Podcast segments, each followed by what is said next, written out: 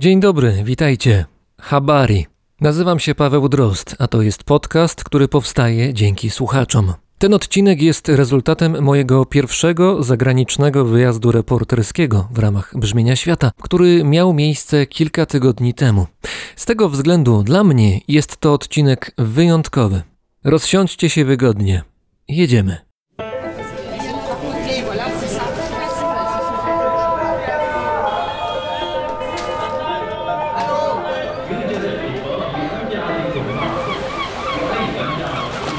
Brzmienie świata z lotu Drozda.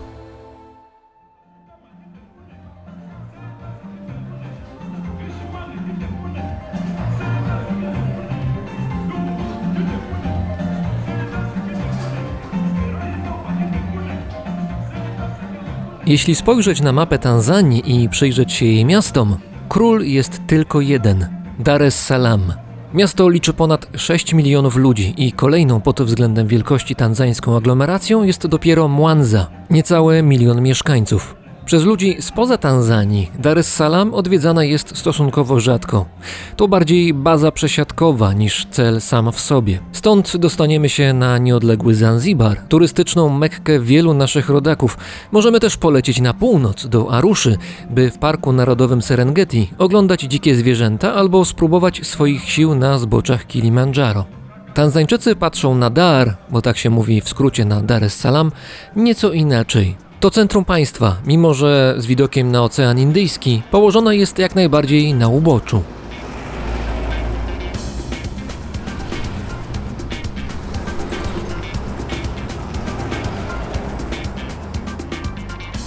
Jadę przez Dar es Salaam samochodem. Tutaj lepiej jest mieć doświadczonego kierowcę rozumiejącego lokalny ruch uliczny, który dla Europejczyka jest kwintesencją chaosu. Prowadzi więc Damian Kisoma. Do Dar es Salaam przyjechał kilka lat temu z południa Tanzanii, niedaleko granicy z Mozambikiem. Ma 30 lat, żonę i czteroletniego syna. Skończył studia z zakresu turystyki, jednak nie znalazł pracy w zawodzie. Czasami dorabia jako przewodnik, a utrzymuje się przede wszystkim z pracy kierowcy. Mimo tego sprawia wrażenie szczęśliwego człowieka, a siedząc za kierownicą sprawnie pokonuje kolejne ulice. Właśnie wjeżdżamy na drogę imienia Baracka Obamy. Barack Obama był tutaj w roku 2013. Trzy kraje odwiedził wtedy, jednym z nich była Tanzania. I na cześć szanownego gościa powstała ta właśnie ulica, jedna z bardziej reprezentacyjnych w mieście. Ona się snuje tuż przy wybrzeżu, właśnie tędy jedziemy. A korki jak zwykle odpowiednie, co chwilę trzeba się zatrzymywać. Uh, if it's a weekday, I mean Monday up to Friday, from 6 a.m. morning W 9 ciągu tygodnia pracy, gdy rano od 6 dojeżdżasz do pracy z obrzeży Dar es Salaam, musisz liczyć się z co najmniej dwugodzinną jazdą w jedną stronę, a kiedy pada deszcz, będziesz jechał jeszcze dłużej. Wtedy ruch uliczny w mieście zamienia się w szaleństwo. Jeśli chcesz dojechać gdzieś na czas, jedyne co można zrobić to wyruszyć bardzo wcześnie rano, jeszcze przed świtem. Mieszkam w Czanieka, niedaleko lotniska, to jakieś 40 km od centrum. Dojazd zajmuje mi ponad dwie godziny, a jeżdżę motocyklem. W Dar es Salaam motocykle mają czasem łatwiej niż samochody.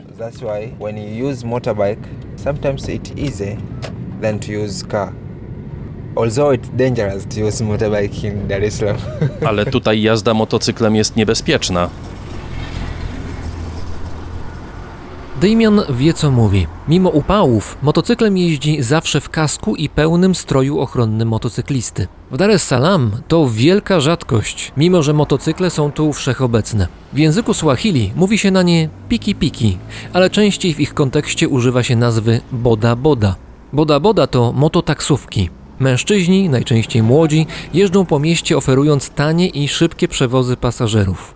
Szybkość ma jednak swoją cenę, liczoną inaczej niż przy pomocy tanzańskich szylingów. Boda boda jeżdżą bez zwracania uwagi na takie szczegóły jak sygnalizacja świetlna, pierwszeństwo przejazdu czy nawet kierunek jazdy.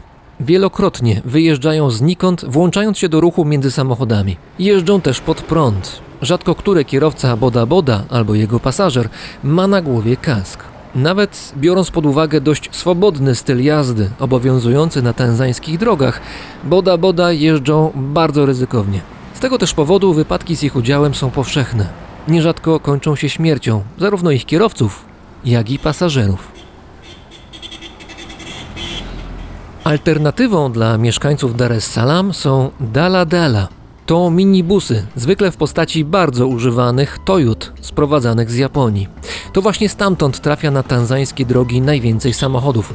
W Japonii i w Tanzanii obowiązuje ruch lewostronny. Dala Dala to prywatny system transportu. Transport publiczny w Dar es Salaam niemal nie istnieje. Kilka lat temu władze otworzyły siatkę połączeń obsługiwaną przez wygodne autobusy przegubowe produkcji chińskiej. Jest ich jednak bardzo mało. Obsługują tylko kilka tras oraz są drogie jak na kieszeń przeciętnych mieszkańców Dar es Salaam.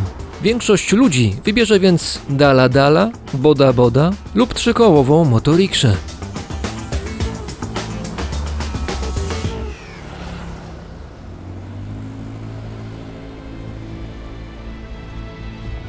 Korki wpisały się w krajobraz miasta. Ponad 6 milionów ludzi nie mieści się na drogach, z których większość to zwykłe jednopasmówki. Ich wydolność została przekroczona dawno temu. Władze miasta przegapiły moment, gdy można było jeszcze przebudować system stworzony przez kolonizatorów i przystosować Dar do nowych warunków i naglących wyzwań. Wydaje się, że Dar es Salaam, jedno z największych miast Afryki, wymknęło się spod kontroli. Szybka, wręcz szaleńczo szybka urbanizacja to zjawisko zauważalne w wielu częściach Afryki, jednak sytuacja Dar es Salaam jest nieco inna z przyczyn historycznych.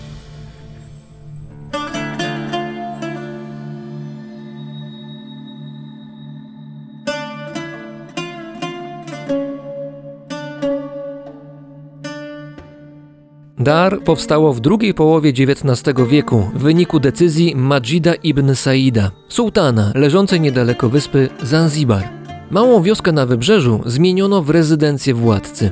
Gdy ten zmarł w 1870 roku, Dar es Salaam zaczęło popadać w zapomnienie, aż kilkanaście lat później na miejscu pojawili się Niemcy. Powstała wtedy niemiecka Afryka Wschodnia, która obejmowała większość obszaru dzisiejszej Tanzanii, bez Zanzibaru, Rwandę i Burundi. Razem z niemiecką Afryką Południowo-Zachodnią, tereny dzisiejszej Namibii, cesarstwo niemieckie było na kontynencie najsilniejszym kolonizatorem, zaraz po Brytyjczykach i Francuzach. We wschodniej Afryce centrum administracyjnym Niemców oraz kluczowym portem stało się Dar es Salaam. Kolonizatorzy zbudowali miasto według wcześniej ustalonego planu. Do Dar doprowadzono linię kolejową, która łączyła port z interiorem. Wiadomo było też, gdzie w mieście mają mieszkać Europejczycy, a gdzie Afrykańczycy. Niemcy wycofali się z Afryki w czasie I wojny światowej, a na ich miejscu pojawili się Brytyjczycy, nazywając swoją nową kolonię Tanganiką.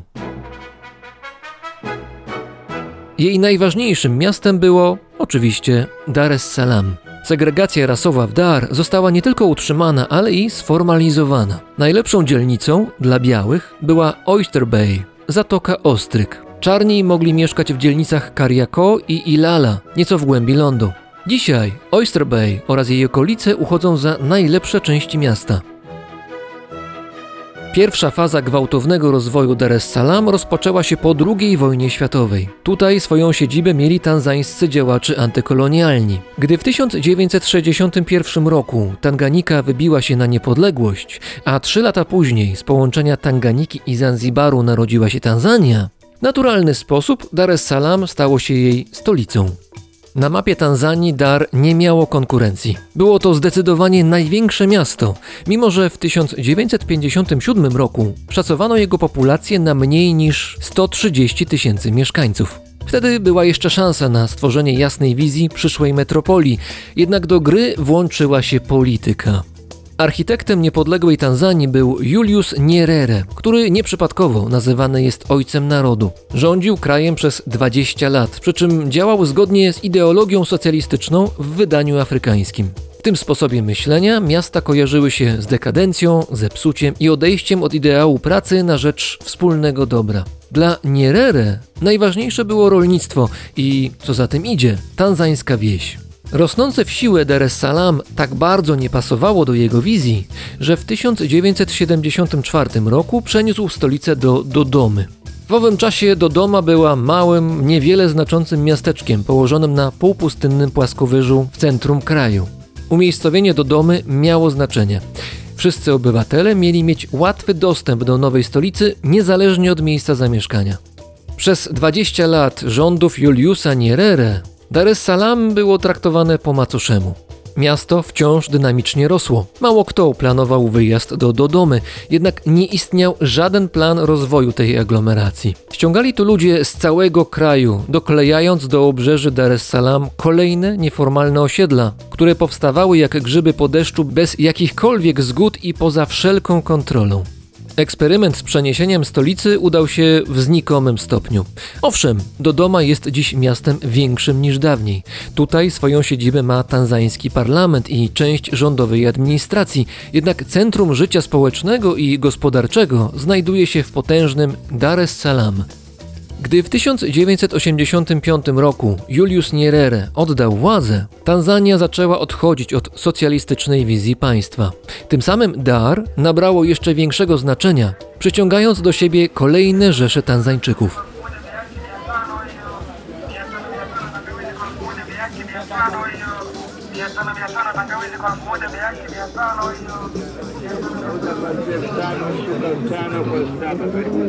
Tunafanya makeup kwa bei nafuu.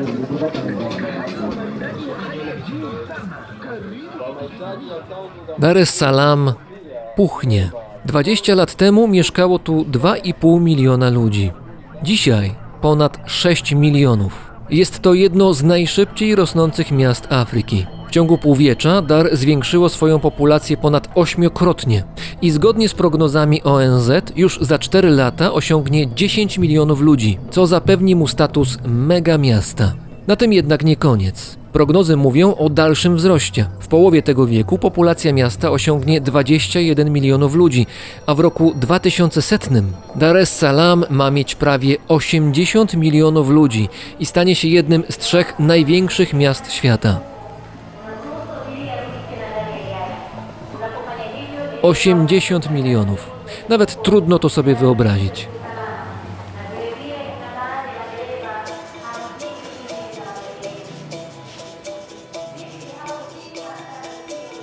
Ludzie płyną do Dar es Salaam szerokimi strumieniami z całej Tanzanii. Powstałe w ostatnich 10 latach imponujące wieżowce karmią marzeniami o pieniądzach i lepszym życiu.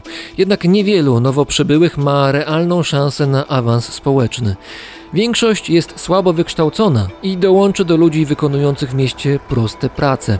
Po zakorkowanych ulicach Dar, między samochodami, co chwilę przechodzą sprzedawcy orzechów i innych przekąsek. Ktoś zachwala plastikowe piłki, inny chwali zestaw garnków oraz proste kubki.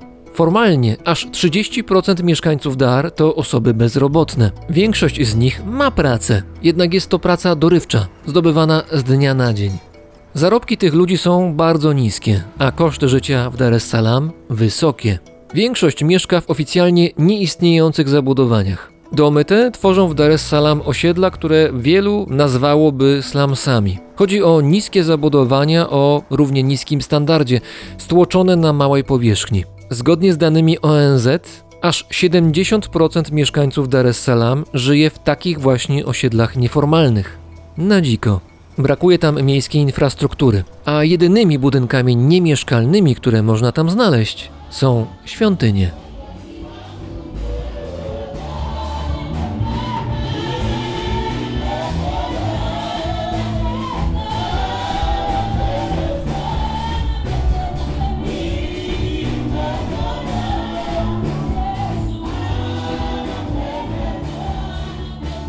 Dar, podobnie jak w całej Tanzanii, widać duże zróżnicowanie religijne. Jedna trzecia obywateli to muzułmanie, 30% to katolicy, natomiast reszta Tanzańczyków to luteranie, metodyści, baptyści i przedstawiciele innych odłamów chrześcijaństwa. Jest też niewielka grupa hinduistów oraz wyznawców religii lokalnych.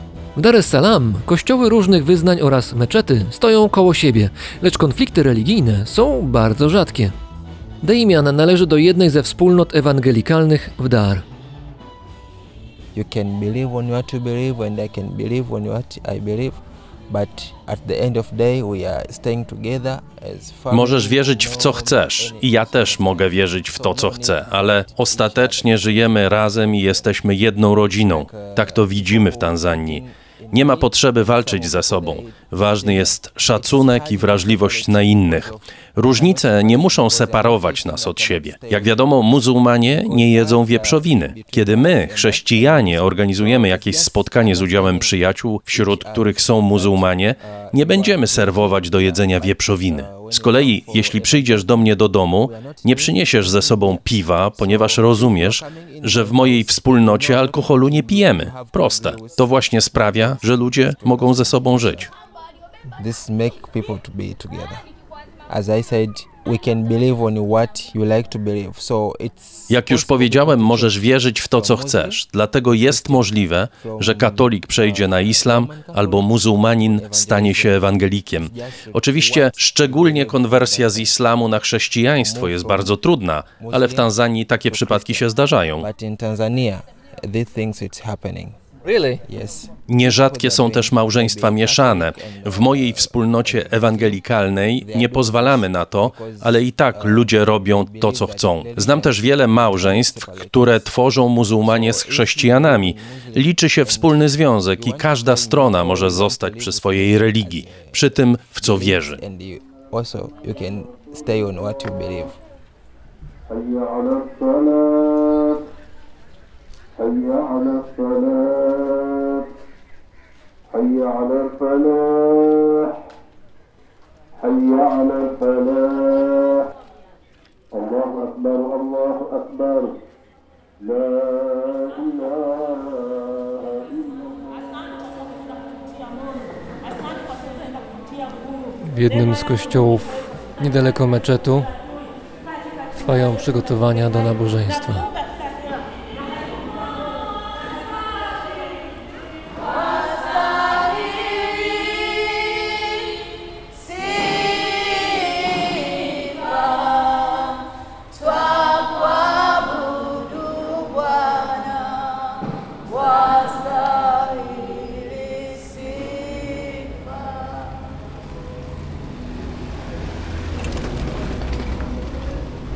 Jestem w tej chwili w najdroższej dzielnicy miasta. Tutaj mieszkają najzamożniejsi Tanzańczycy. Tutaj znajdują się restauracje i knajpki, często z widokiem na ocean. No widać gołym okiem, że zagęszczenie białych ludzi jest tutaj ewidentnie większe niż gdzie indziej. Również dlatego, że w okolicy znajduje się sporo ambasad, w tym ambasada Polski. Łatwo znaleźć to miejsce na mapie. Szukajcie półwyspu, który trochę przypomina wystawiony w górę kciuk, oczywiście we wschodniej części miasta. Przechodzę właśnie obok y, hotelu, to jest hotel Double Tree, Double Tree by Hilton. Raz, dwa, trzy, cztery, pięć, sześć, siedem chyba kondygnacji. W tej chwili hotel jest y, pusty, ponieważ nie został jeszcze otworzony po tym, jak y, na początku pandemii został zamknięty, ale wygląda na hotel, no, który powstał raptem kilka lat temu. Naprawdę nówka sztuka, można powiedzieć. Po jego prawej stronie, jak teraz patrzę na niego stojąc przed bramą wjazdową, znajduje się kolejny hotel, kilka restauracji i knajp. Natomiast po jego drugiej stronie, po stronie lewej, no właśnie,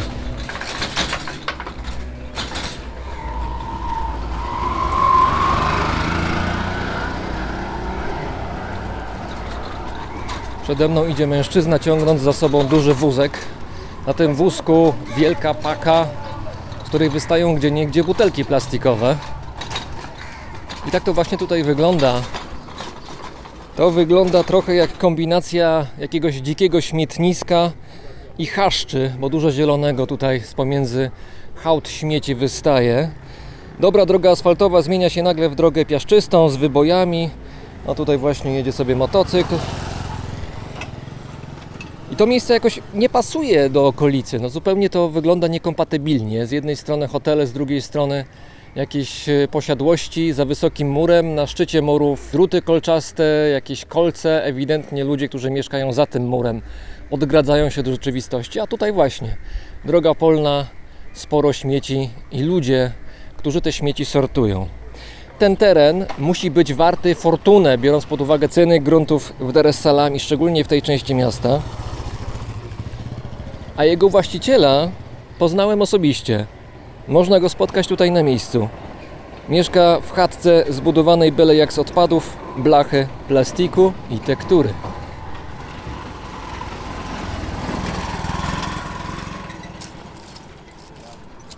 Nazywa się Shomari Zuberi, ale wszyscy mówią na niego Shomi. Ma około pięćdziesiątki, a na głowie dredy. Nawet w upale nosi czapkę. Gdy spotkałem go po raz pierwszy, siedział na złamanej gałęzi drzewa wśród popękanego szkła i właśnie kończył palić skręta. Dookoła leżały resztki połamanych mebli oraz puste butelki po wodzie, które pod wpływem słońca zaczęły już blaknąć. Tak wygląda jego ziemia, jego królestwo. Rodzice Szomiego przyjechali do Dar es Salaam z zachodniej Tanzanii. Przyjechali za pracą. Nie mieli szczęścia i w końcu opuścili miasto, zostawiając nastoletniego syna z babcią, która miała w Dar es Salaam dom.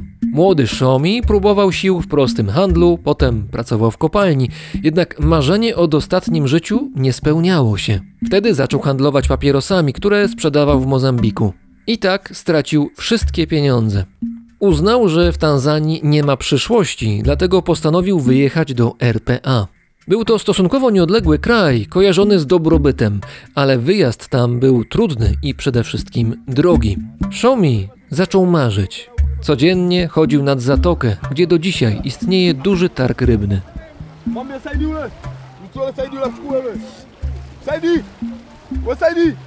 Nie interesował się tym, czym handlują rybacy, którzy bezpośrednio z łodzi wykładają na stoły to, co udało im się przywieźć z morza. Przyglądał się za to wypływającym z zatoki statkom, a marzenie kiełkowało. Dołączył do niego kolega, który również widział siebie w RPA. Razem stworzyli plan. Chcieli bez wiedzy załogi zaokrętować się na jednym z transportowców. Obserwując portowe zwyczaje, zauważyli, że strażnicy wpuszczają do portu ludzi wyglądających na oficerów bez sprawdzania ich dokumentów. Szomi z kolegą zdobyli więc dobrze wyglądające garnitury oraz nesesery. Tak przebrani, z poważnymi minami, pewnym krokiem weszli do portu, nie zatrzymywani przez nikogo.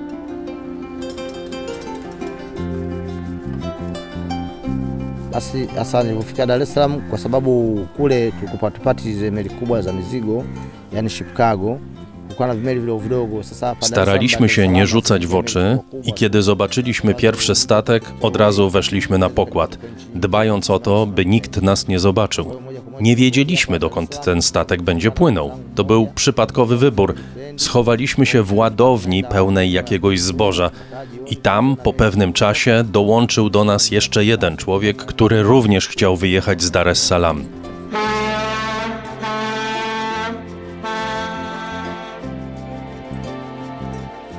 Statek w końcu wypłynął z portu, ale po kilku godzinach ktoś wszedł do ładowni i zaczął krzyczeć: Jeśli ktoś tu jest, niech się ujawni. W zbożu znajduje się środek owadobójczy, który może was zatruć. Musicie wyjść.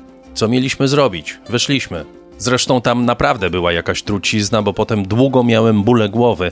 Marynarze potraktowali nas dobrze. Dali zjeść i zamknęli w innej ładowni. Okazało się, że ten statek naprawdę płynie do Republiki Południowej Afryki. Poszczęściło się nam. Mm, Baada ya kuingia moja kwa moja sisi tulielekea ziliko meli. Już następnego dnia zobaczyliśmy, że zbliżamy się do brzegu, ale to nie mogło być RPA, tam płynie się przecież pięć dni. Ku naszej rozpaczy statek zacumował w porcie Mtwara. Byliśmy więc wciąż w Tanzanii, tuż przy granicy z Mozambikiem. Kapitan wezwał policję, a ta nas aresztowała. Zostaliśmy oskarżeni o nielegalny wyjazd z kraju. Karą było więzienie 6 miesięcy. W więzieniu musieliśmy ciężko pracować, wykonywaliśmy mnóstwo prac, na przykład na roli. I to nie było łatwe. Po odbyciu kary policja z miasta Mtwara dała nam bilety na autobus i wysłali nas z powrotem do Dar es Salaam, tam gdzie rozpoczęła się nasza podróż. To był październik. W listopadzie znowu pojawiłem się na targu rybnym w Dar i znowu zacząłem przyglądać się statkom w porcie. Nie zamierzałem rezygnować z marzenia.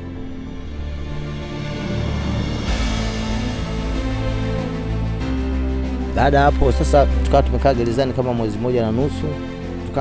Początkowo mój przyjaciel uznał, że nie chce mieć znowu problemów, ale udało mi się go przekonać do drugiej próby. Przygotowaliśmy się na kilka dni rejsu, kupując gumę do rzucia. Miała oszukać głód i pragnienie. Ponownie przebraliśmy się za oficerów i poszliśmy do portu. Do strażników podeszliśmy nie razem, lecz każdy osobno i to był dobry pomysł. Jego aresztowała policja, ale mnie przepuścili. No więc jestem w środku, w porcie, rozglądam się, jest wieczór, nie wiem gdzie pójść. A tu podchodzi do mnie znajomy z miasta, który mnie rozpoznał. Co tu robisz? pyta. No to mówię mu szczerze, że chcę popłynąć do RPA. I wtedy on mówi: Dobrze, spróbuj wejść na ten statek pod grecką banderą. Płynie do RPA, ale poczekaj na zmianę nocnej wachty, wtedy masz szansę. Tak też zrobiłem i rzeczywiście udało się wejść niepostrzeżenie na pokład. Wszystkie pomieszczenia były zamknięte, więc ukryłem się w małej kabinie dźwigu okrętowego. Odpłynęliśmy, nie wiem jak, ale drugiego dnia znalazł mnie tam filipiński marynarz. Załoga nie była zadowolona z mojej obecności, byłem głodny, ale nie dali mi jeść. Pokazali tylko pojemnik na resztki po ich posiłkach. Potem kazali mi go opróżnić.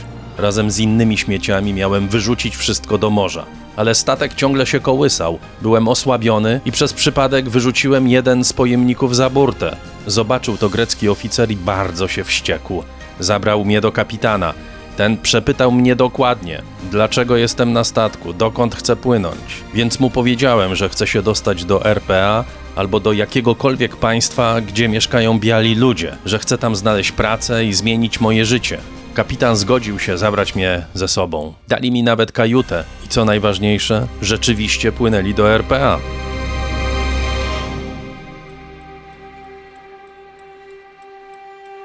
ikawa na mimi nikataka nikatembee mjini. Kwa hiyo mimi nikaelekea maeneo kushoto, wenzangu kulia. Kulia W końcu dotarliśmy do celu, do Republiki Południowej Afryki. Spełniło się moje marzenie, ale na bardzo krótko. To był rok 1994. W RPA miały się odbyć pierwsze demokratyczne, powszechne wybory. Sytuacja była bardzo napięta. Tanzańczycy, którzy tam mieszkali, zaczęli wyjeżdżać do Tanzanii i mnie również to doradzali ze względów bezpieczeństwa. Co miałem zrobić? Od razu wróciłem do portu i znalazłem ten sam grecki statek, którym przypłynąłem. Poprosiłem, żeby wzięli mnie z powrotem. Byli bardzo niezadowoleni. Wsadzili mnie do jakiejś kajuty i zamknęli od zewnątrz. Odpłynęliśmy. Następnego dnia wrzucili mnie na rodzaj tratwy, zrobionej byle jak z plastikowych beczek i zostawili na oceanie.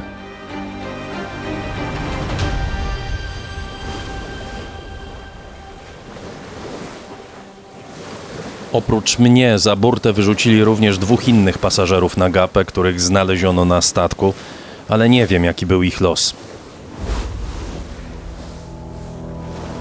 Znalazłem kawałek liny i przywiązałem się nią do beczek. Byłem na granicy snu i jawy. Modliłem się. Boże, proszę, pomóż mi. Spraw, żeby nie znalazły mnie tu niebezpieczne ryby. Spraw, żeby przypłynął po mnie jakiś statek. I tak minęły mi trzy dni bez jedzenia i picia. Czasem spałem, a kiedy się budziłem, miałem wrażenie, jakby przez usta powietrze wpadało mi wprost do żołądka, który był kompletnie pusty. Miałem przywidzenia. Wydawało mi się, że ktoś mnie woła i mówi: Wstawaj, jesteśmy tu, żeby cię uratować. Otworzyłem oczy, ale nikogo obok nie było. Jednak z oddali zacząłem słyszeć silniki. I to był statek. Zaczynał się oddalać, więc zacząłem krzyczeć. To było trudne, bo miałem zupełnie suche gardło, przecież nie piłem od trzech dni. Ocean był tego dnia bardzo, bardzo spokojny i pewnie dlatego woda poniosła mój głos aż do statku. Usłyszeli mnie, zaczęli zawracać.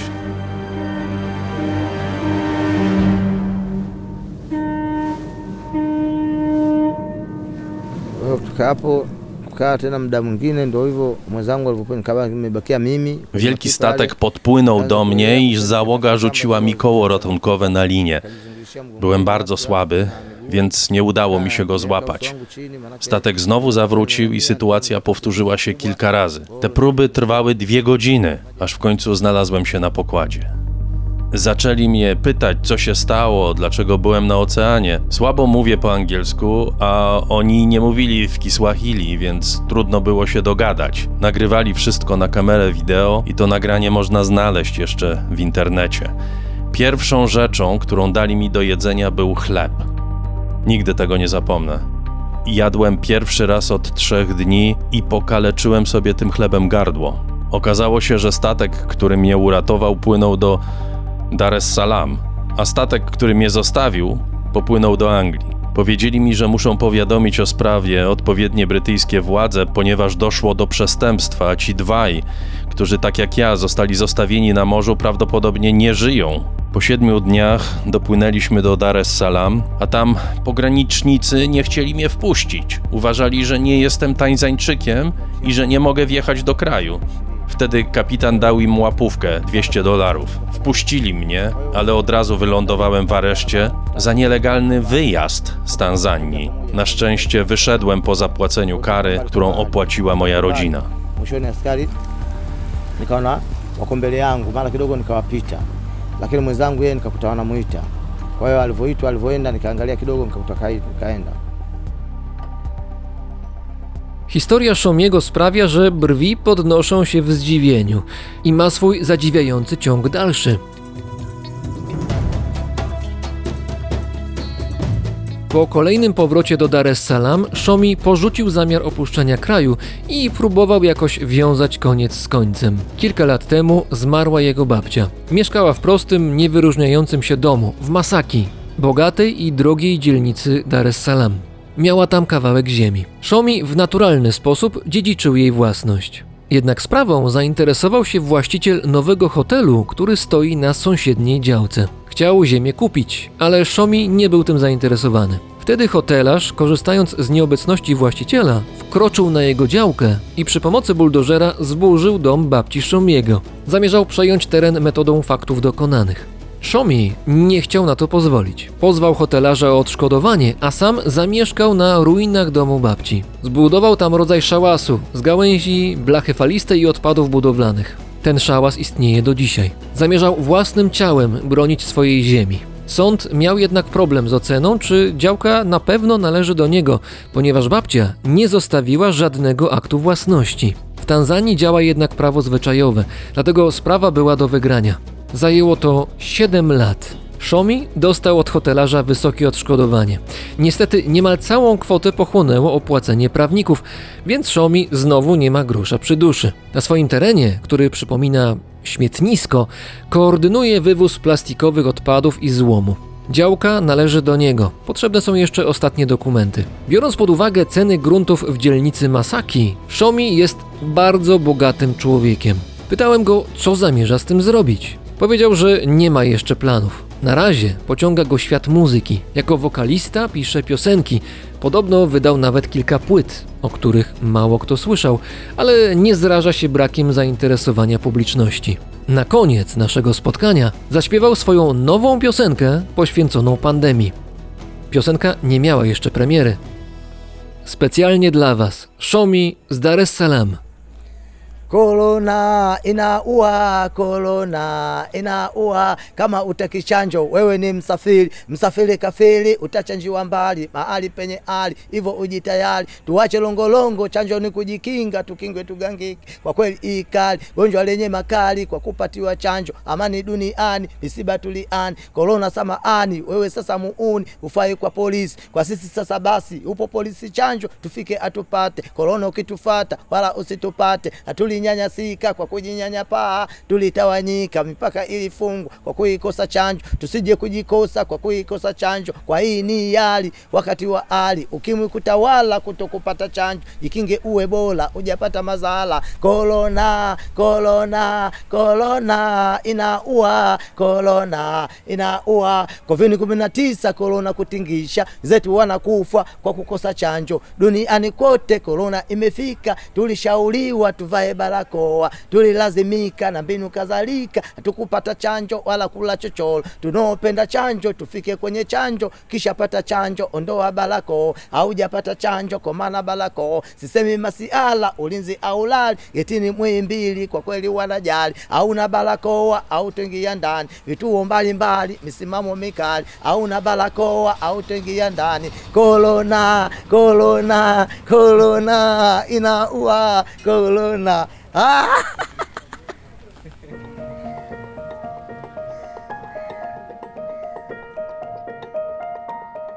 Królestwo Szomiego w postaci bazy pakowania zużytych plastikowych butelek miało ostatnio więcej pracy niż zwykle. W zeszłym miesiącu w Dar es Salaam zużycie butelkowanej wody raptownie wzrosło do dawno niewidzianego poziomu.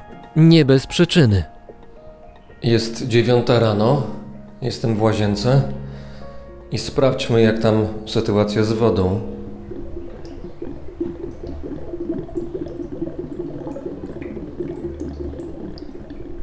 No średnio. Właściwie to nie średnio. Źle, nie ma w ogóle wody. Jedynie bulgoty słychać z kranu. Na początku listopada władze Dar es Salaam ogłosiły to, co wiedzieli już wszyscy. W mieście brakuje wody. Wprowadzono jej racjonowanie, chociaż i tak co zamożniejsi mieszkańcy nie ukrywali się z podlewaniem trawników przed swoimi domami. Za brak wody w mieście odpowiada przede wszystkim pora deszczowa, a właściwie jej brak. Zgodnie z dobrze znanym rytmem, deszcz powinien pojawić się najpóźniej w połowie listopada. Jednak w tym czasie w Tanzanii królowało wciąż bezchmurne niebo. Temperatury były wysokie nie tylko dla mnie. Na upały narzekali nawet Tanzańczycy, z którymi rozmawiałem. W Dar es Salaam zanotowano prawie 34 stopnie Celsjusza, 2 stopnie wyżej niż zwykle o tej porze roku. Jeśli dodać do tego dużą wilgotność powietrza płynącą od oceanu, wtedy mamy pełny obraz sytuacji. Poziom rzeki Ruwu, głównego źródła wody dla aglomeracji, spadł do bardzo niskiego poziomu i w kranach ponad 6-milionowego miasta przestała płynąć woda. Na ulicach Dar pojawiło się więcej prywatnych cystern z wodą. To niezły biznes. W listopadzie ceny przewożonej przez nich wody były nawet dwukrotnie wyższe niż na początku roku. Ci, którzy mają pieniądze, zapłacą. Zwykle posiadają własne zbiorniki na wodę i dla nich wodny kryzys w mieście jest niemal niezauważalny. Za to większość mieszkańców musi zacisnąć zęby, kupuje wodę butelkowaną i z nadzieją wypatruje chmur na niebie. Tegoroczny brak wody w Dar trwał ponad tydzień i był najdłuższy od 18 lat, a rosnące miasto chce pić coraz więcej.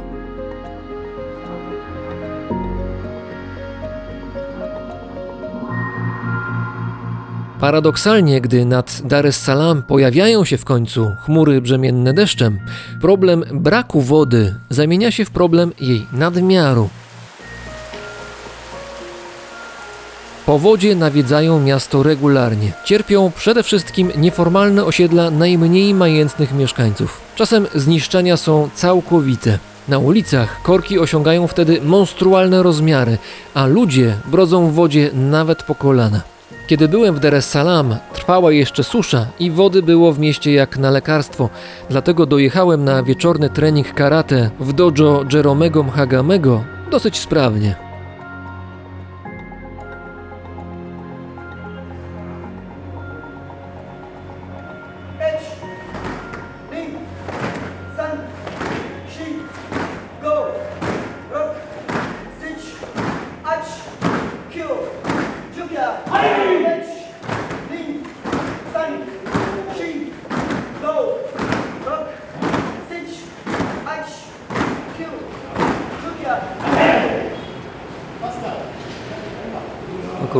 Około 15 mężczyzn jest na macie.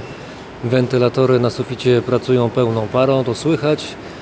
No niezbyt dobrze dla mnie, że słychać, bo to trochę przeszkadza e, w nagraniu i rejestrowaniu tego, co tu się dzieje, ale takie mamy warunki, więc musimy się do nich przyzwyczaić. Jest gorąco, mimo że wieczór. Wentylatory na pewno trochę pomagają.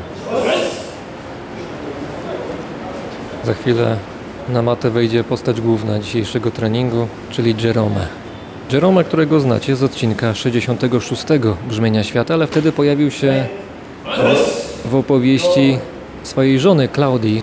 Tym razem Jerome pojawia się we własnej osobie. Nie sądziłem, że tak szybko do tego dojdzie, że będę mógł osobiście się z nim spotkać i uścisnąć jego dłoń.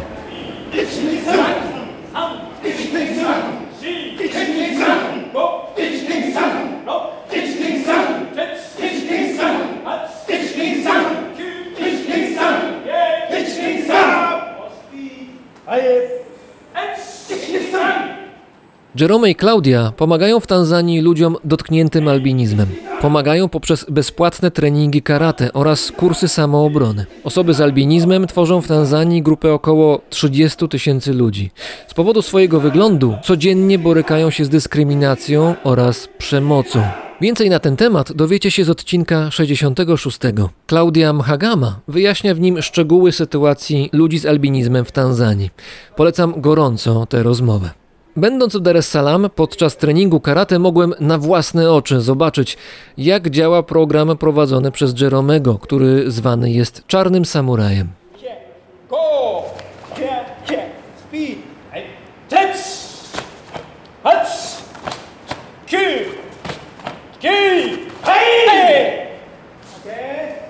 Mistrz karate i międzynarodowy sędzia chodzi teraz między uczniami i wskazuje, co można poprawić.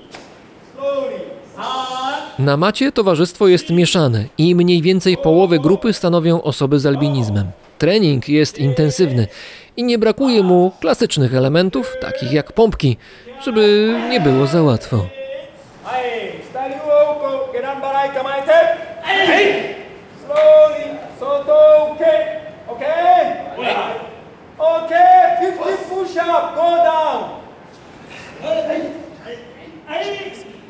Hey. Steady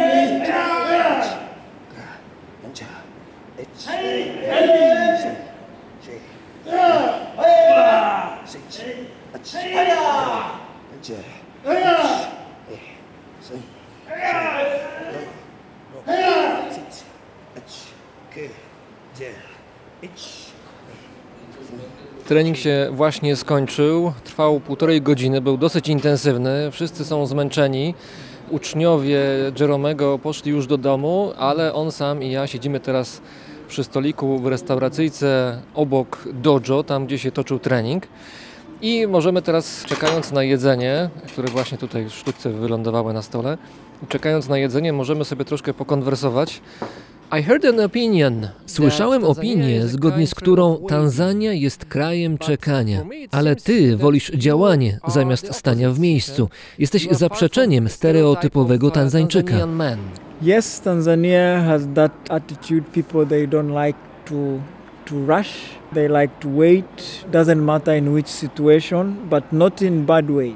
To prawda, tak w Tanzanii rzeczywiście jest. Ludzie nie lubią się spieszyć, niezależnie o jaką sprawę chodzi. I to jest niespieszność, która jest czymś pozytywnym. Poczekajmy, zastanówmy się, a dopiero wtedy dojdźmy do jakichś wniosków i zacznijmy działać. Tak to wygląda w Tanzanii.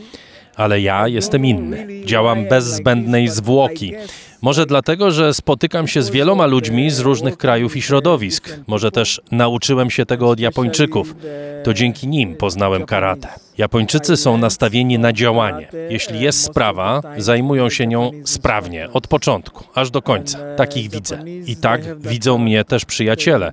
Muszę być aktywny, ponieważ działam na wielu polach. Jestem jednocześnie karateką, sensejem, czyli nauczycielem, oraz przyjacielem dla tych, z którymi mam kontakt.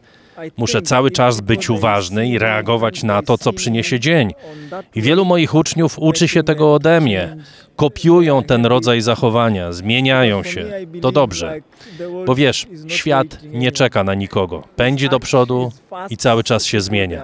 Dlatego jeśli to, czego nauczyłem się od innych, może przydać się moim rodakom w Tanzanii, mogę się tylko cieszyć.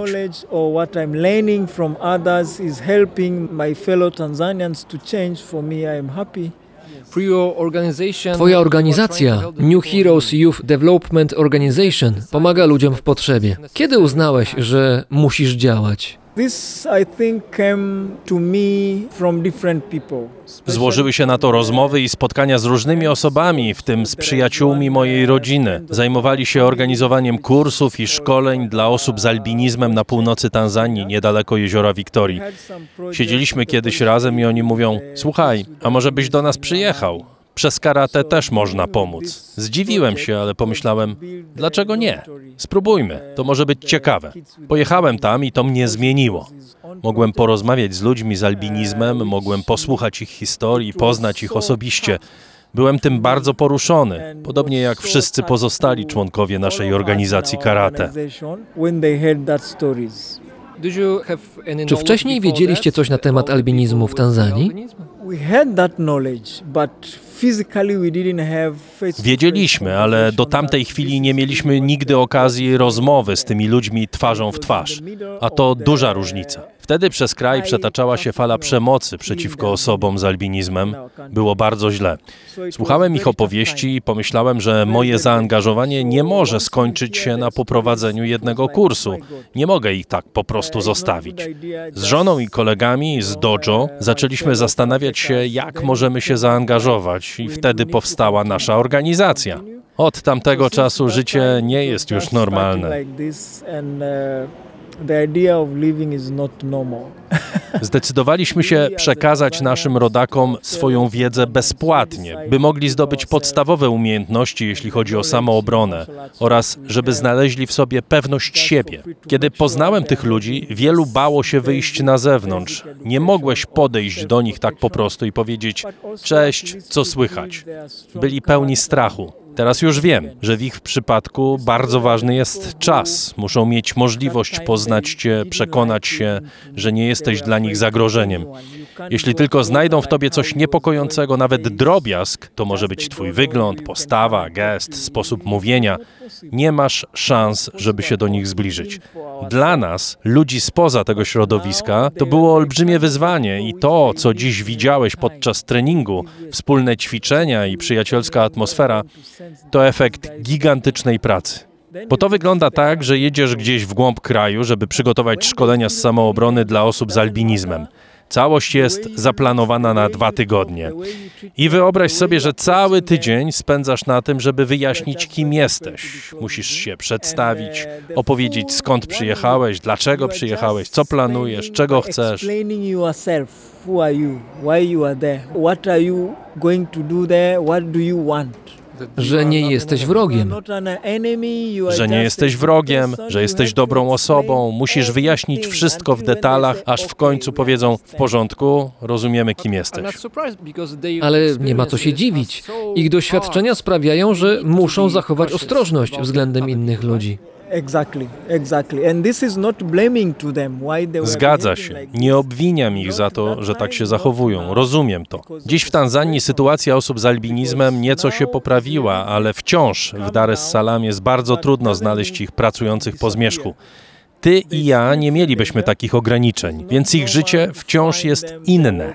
Kiedy rozpoczęliśmy bezpłatne treningi karate dla osób z albinizmem, nie chodziliśmy po ulicach, żeby ich do nich zapraszać. Zamiast tego działała opinia na nasz temat, powtarzana między ludźmi. Jeden powie drugiemu, potem ten trzeciemu i wieści się rozchodzą. Ktoś przyjdzie popatrzeć na trening i czasami już z nami zostaje, widząc, że jesteśmy w porządku. Mamy coraz więcej dorosłych uczniów, dzieci też. W grudniu szkoły zaczynają przerwę, więc rozpoczniemy dla dzieciaków treningi 3-4 razy w tygodniu, zwykle o 16.30, żeby zdążyły przed zmierzchem wrócić bezpiecznie do domów. W tym samym miesiącu, jeśli tylko starczy nam pieniędzy, planujemy też dwa lub trzy szkolenia gdzieś w kraju. Jesteśmy gotowi do intensywnej pracy, niezależnie od tego, czy w Dar es Salaam, czy poza nim.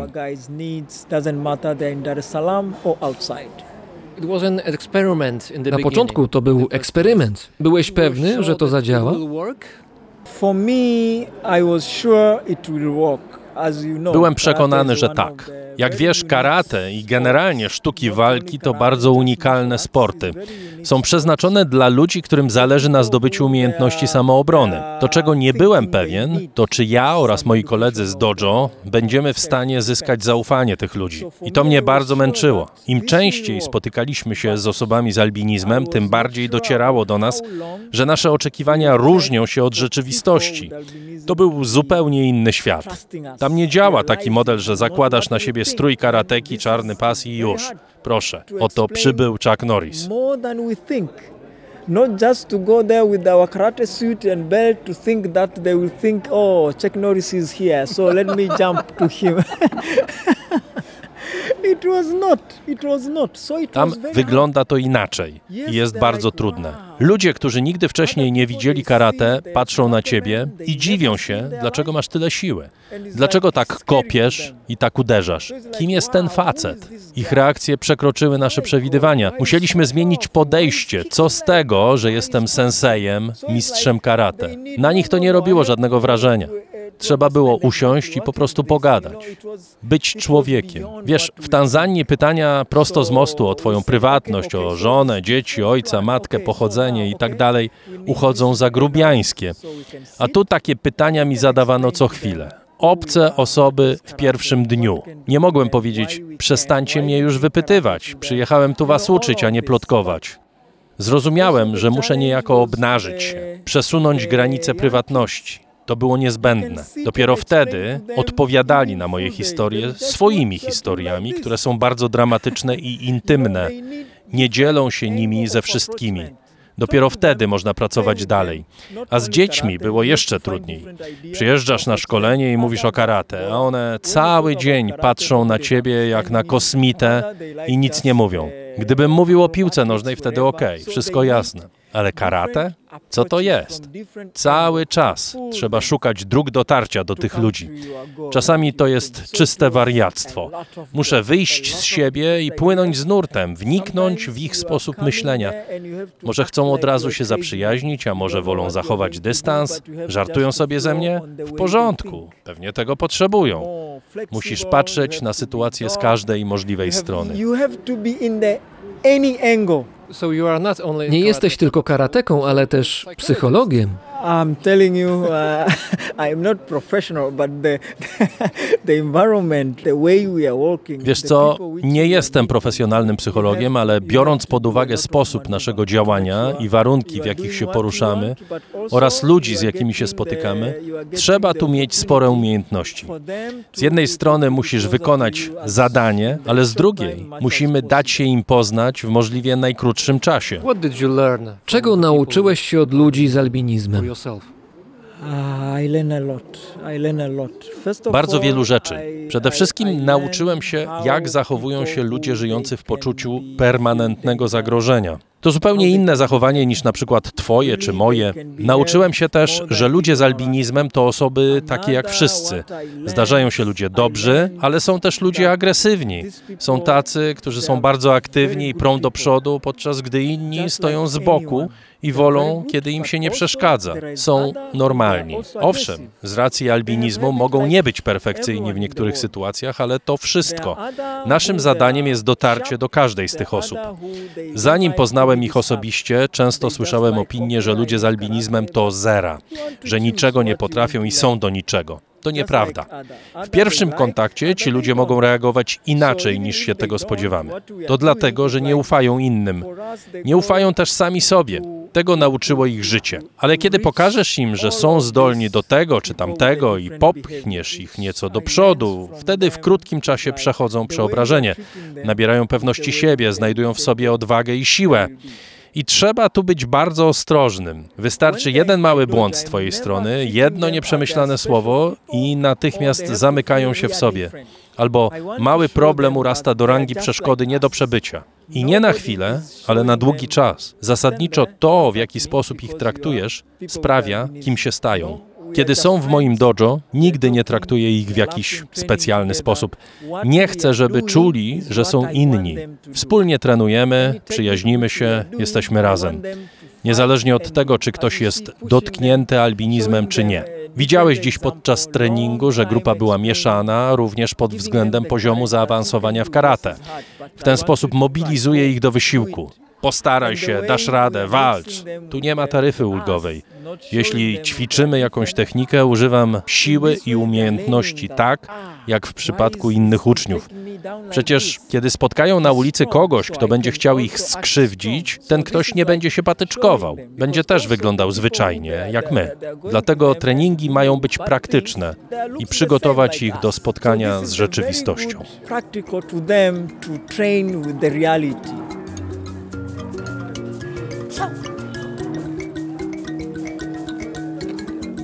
Dziękuję Dariuszowi Rosiakowi, autorowi raportu o stanie świata, za użyczenie głosu w tym odcinku. Gdybyście nie znali jeszcze raportu, co wątpię, serdecznie polecam podcast Darka Waszej uwadze. Warto. Shakatangarinko chapera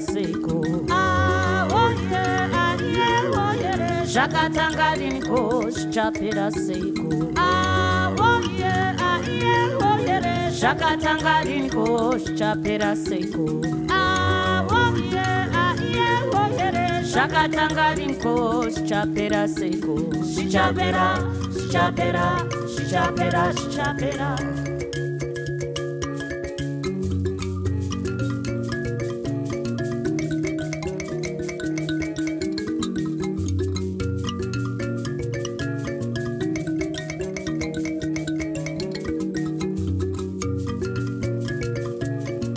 Shakatangarinko chapera seiko. Chapera, chapera, chapera, chapera. Shakatangarinko chapera seiko.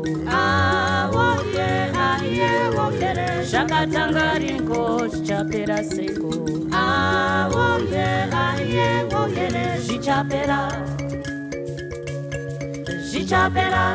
chop it up, chop it up, chop it up. Hey!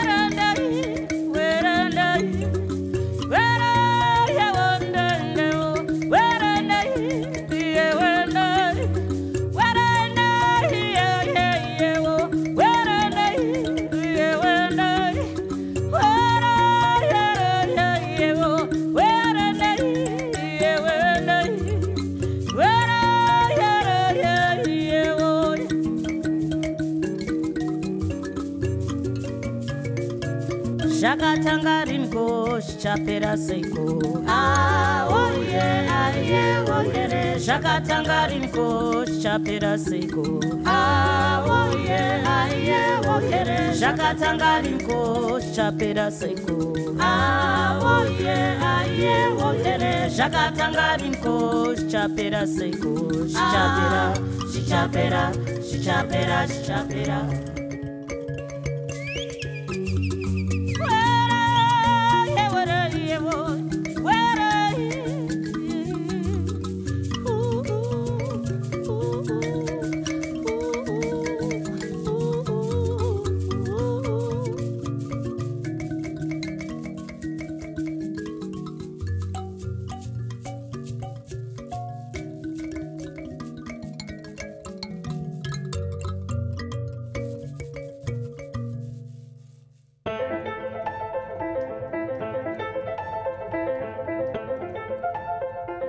Słuchaliście 84 odcinka Brzmienia Świata z lotu Drozda. To podcast, który powstaje dzięki słuchaczom. Dziękuję za hojną pomoc, którą otrzymuję od Was w ramach zbiórki na rzecz mojego podcastu na patronite.pl. Nagrania w Tanzanii nie byłyby możliwe bez Waszego udziału. Dziękuję też światoczułemu patronowi Brzmienia Świata, firmie Ergo Ubezpieczenia Podróży. Ponad 100 lat doświadczenia w dbaniu o bezpieczeństwo podczas wyjazdów za granicę. Ten odcinek był pierwszym z dwóch reporterskich odcinków poświęconych Tanzanii. Część drugą usłyszycie za kilka tygodni. Zachowajcie obywatelską czujność.